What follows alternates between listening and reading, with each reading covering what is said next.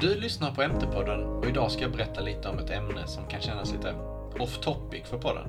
Men för folk som arbetar med kvalitet och tillverkning så är det väldigt relevant, så därför bjuder jag på cirka 10 minuter allmänbildning om sampling. Men vad är då sampling? Tänk dig att du står och har 100 stycken Brown Pro 6000 tempar framför dig. Dessa ska du kontrollera så att de fungerar som de ska och uppfyller de krav du har på produkten. Hur sugen är du på att kontrollera samtliga och hur skulle du göra det?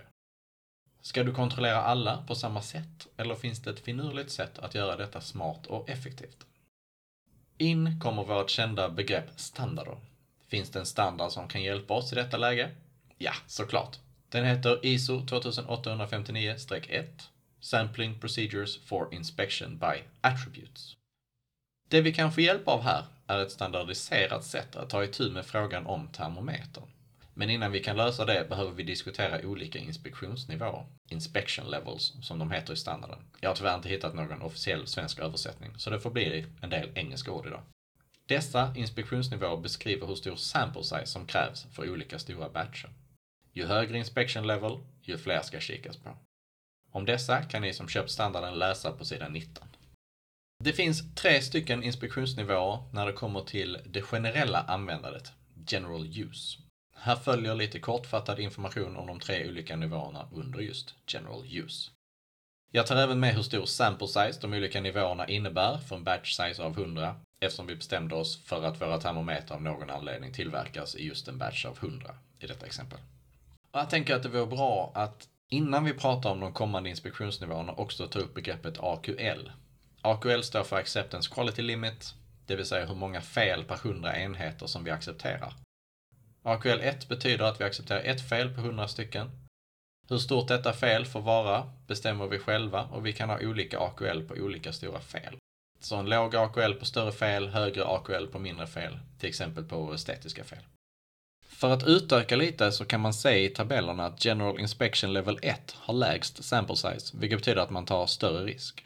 Det vill säga, har jag en produkt framför mig som inte innebär en så stor risk för patienten så kan jag tänka mig att acceptera att fler inte håller måttet.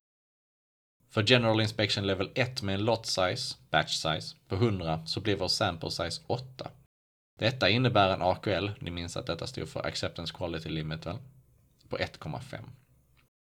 Inspektionsnivå 2, det är lite större sample men relativt låg kostnad gäller här. Denna har en bra startpunkt när du ska köra en inspektion och sedan känner du kanske att du behöver öka eller minska beroende på resultat och historia av tillverkaren. I detta fall blir vår sample size 20 med en AQL på 0,65. Inspektionsnivå 3. Som vi kanske antar så kommer denna nivå leda till ännu större sample size, denna gång på 32 med en AQL på 0,4. Det är hela fyra gånger fler än nivå 1. Med fler antal så har vi större tillförlitlighet i vårt resultat. Det betyder att vi med större säkerhet kan godkänna batchen utan att det finns felaktiga enheter i den. Det kan vara bra att köra denna första gången du får en beställning från en leverantör. Eller kanske att leverantören har haft dåligt rykte. Men om den har dåligt rykte så vore det kanske en bra idé att välja någon annan nästa gång.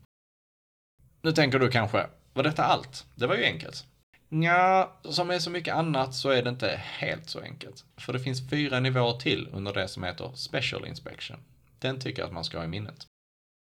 När ska man använda den då? Ja, dina termometrar tog förhoppningsvis ingen skada av dina test, men låt oss tänka i andra banor. Om ni kommer ihåg vårt specialavsnitt om kondomen så kan vi komma att tänka i just andra banor. Hur testar vi kondomer? Det är väldigt svårt utan att bryta förpackningen. Det görs ju tester där de skärs sönder. De är ju förstörande och konsekvenserna blir stora om de skulle säljas vidare. Ja, ni vet. Man gjorde också test av läckage med hjälp av ström, som ni kanske kommer ihåg. Nåväl, skulle vi följa samma schema som innan, det vill säga 100 stycken i en batch, så skulle vi behöva kontrollera 8, 20 eller 32 stycken, som vi kom fram till innan. Man inser snabbt att det blir ekonomiskt ohållbart. Tänk att behöva slänga 8 stycken på 100 bara när vi gör en kontroll. Ett annat problem är att man ofta beställer fler än 100. Om man är ett företag i alla fall. Ett snabbt exempel på en batch på 200 000 så skulle en General Inspection 2 leda till en sample size på mäktiga 800 stycken. Det är både hög kostnad och hög tidsåtgång på det. Därför kom man fram till dessa Special Inspection Levels. S1, S2, S3 och S4 som de kallas. Special Inspection Levels kan alltså användas när man vill ha en låg sample size, Antingen på grund av hög tidsåtgång per sample, alternativt när det är destruktiva test, som i fallet med kondomer.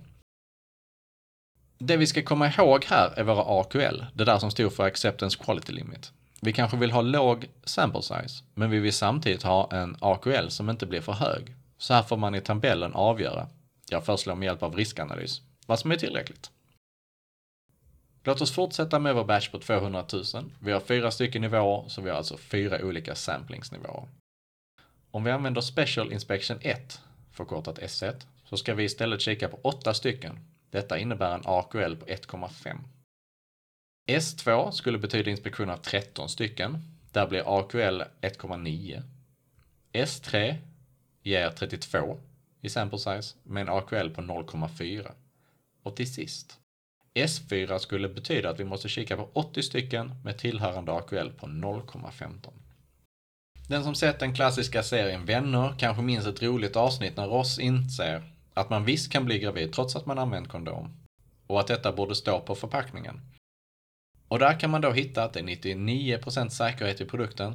Detta innebär en AQL på 1, det vill säga 1 på 100 kan vara defekt. Och då kan vi snabbt inse att Special Inspection 2 har använts på det specifika paketet Ross har i handen. Är det helt binärt det här systemet då? Är det bara pass eller fail? Nej, det är ju inte det. I mina exempel har jag använt det som beskrivs som acceptance och rejection som 0 och 1. Det innebär att i vårt test accepterar vi 0 fel. Om vi får ett fel så skickas batchen tillbaka. Men man kan enligt standarden vara lite mer generös inom sin AQL och ha högre värde på acceptance och rejection. Men då tillkommer det ju en högre sample size som följd. Detta med sample används inte bara på medicintekniska produkter utan även på andra saker. I mitt kommande exempel blir det tandborstar. Jag har 100 tandborstar som ska kontrolleras. Efter test kan dessa ej skickas till kund och testet är förstörande. Vem vill använda en tandborste ur öppnad förpackning? Jag väljer därför en sample enligt Special Inspection. Med så låg batch kan jag välja sample enligt S1. Det skulle ge oss tre enheter att titta på med en AQL på 4. S2 skulle även den ge tre enheter med AQL 4. Det blir så här när vi pratar i så små batcher som vi gör. Det blir inte så här när man har stora batcher. S3 ger oss 5 med en AQL på 2,5 och S4 ger oss 8 stycken enheter att kontrollera med tillhörande AQL på 1,5. Om man vill ha en stor sample size med låg AQL så väljer jag S4. När det kommer till acceptance och rejection så hamnar jag på 0 och 1. Jag tycker det känns snålt, så jag vill acceptera ett fel men skicka tillbaka om det är två fel. Då går jag ner i min tabell och hamnar på en sample size på 32. Om jag skulle kunna acceptera fel på min batch. Där inser jag att 32 stycken blir för dyrt för mig att kontrollera, så jag väljer den lägre AC, RE, alltså acceptance och rejection. Du har lyssnat på MT-podden. Även fast detta avsnitt inte varit helt dedikerat till en medicinteknisk produkt så hoppas jag ändå att du kommer att tänka på informationen i detta avsnitt när du står och kontrollerar dina tempar eller vad det nu kan vara och irriterar dig på hur många som det är fel på. En anledning till alla fallerade tempar kan då vara att risken med produkten är låg och man därför inte kikar på så många och därmed accepterar att fler kommer vara defekta på ett eller annat sätt. Man kan också tänka sig att köpa dyrare prylar, men vad vet jag. MT-podden görs i samarbete med Lars Karlsson och Svensk Medicinteknisk Förening.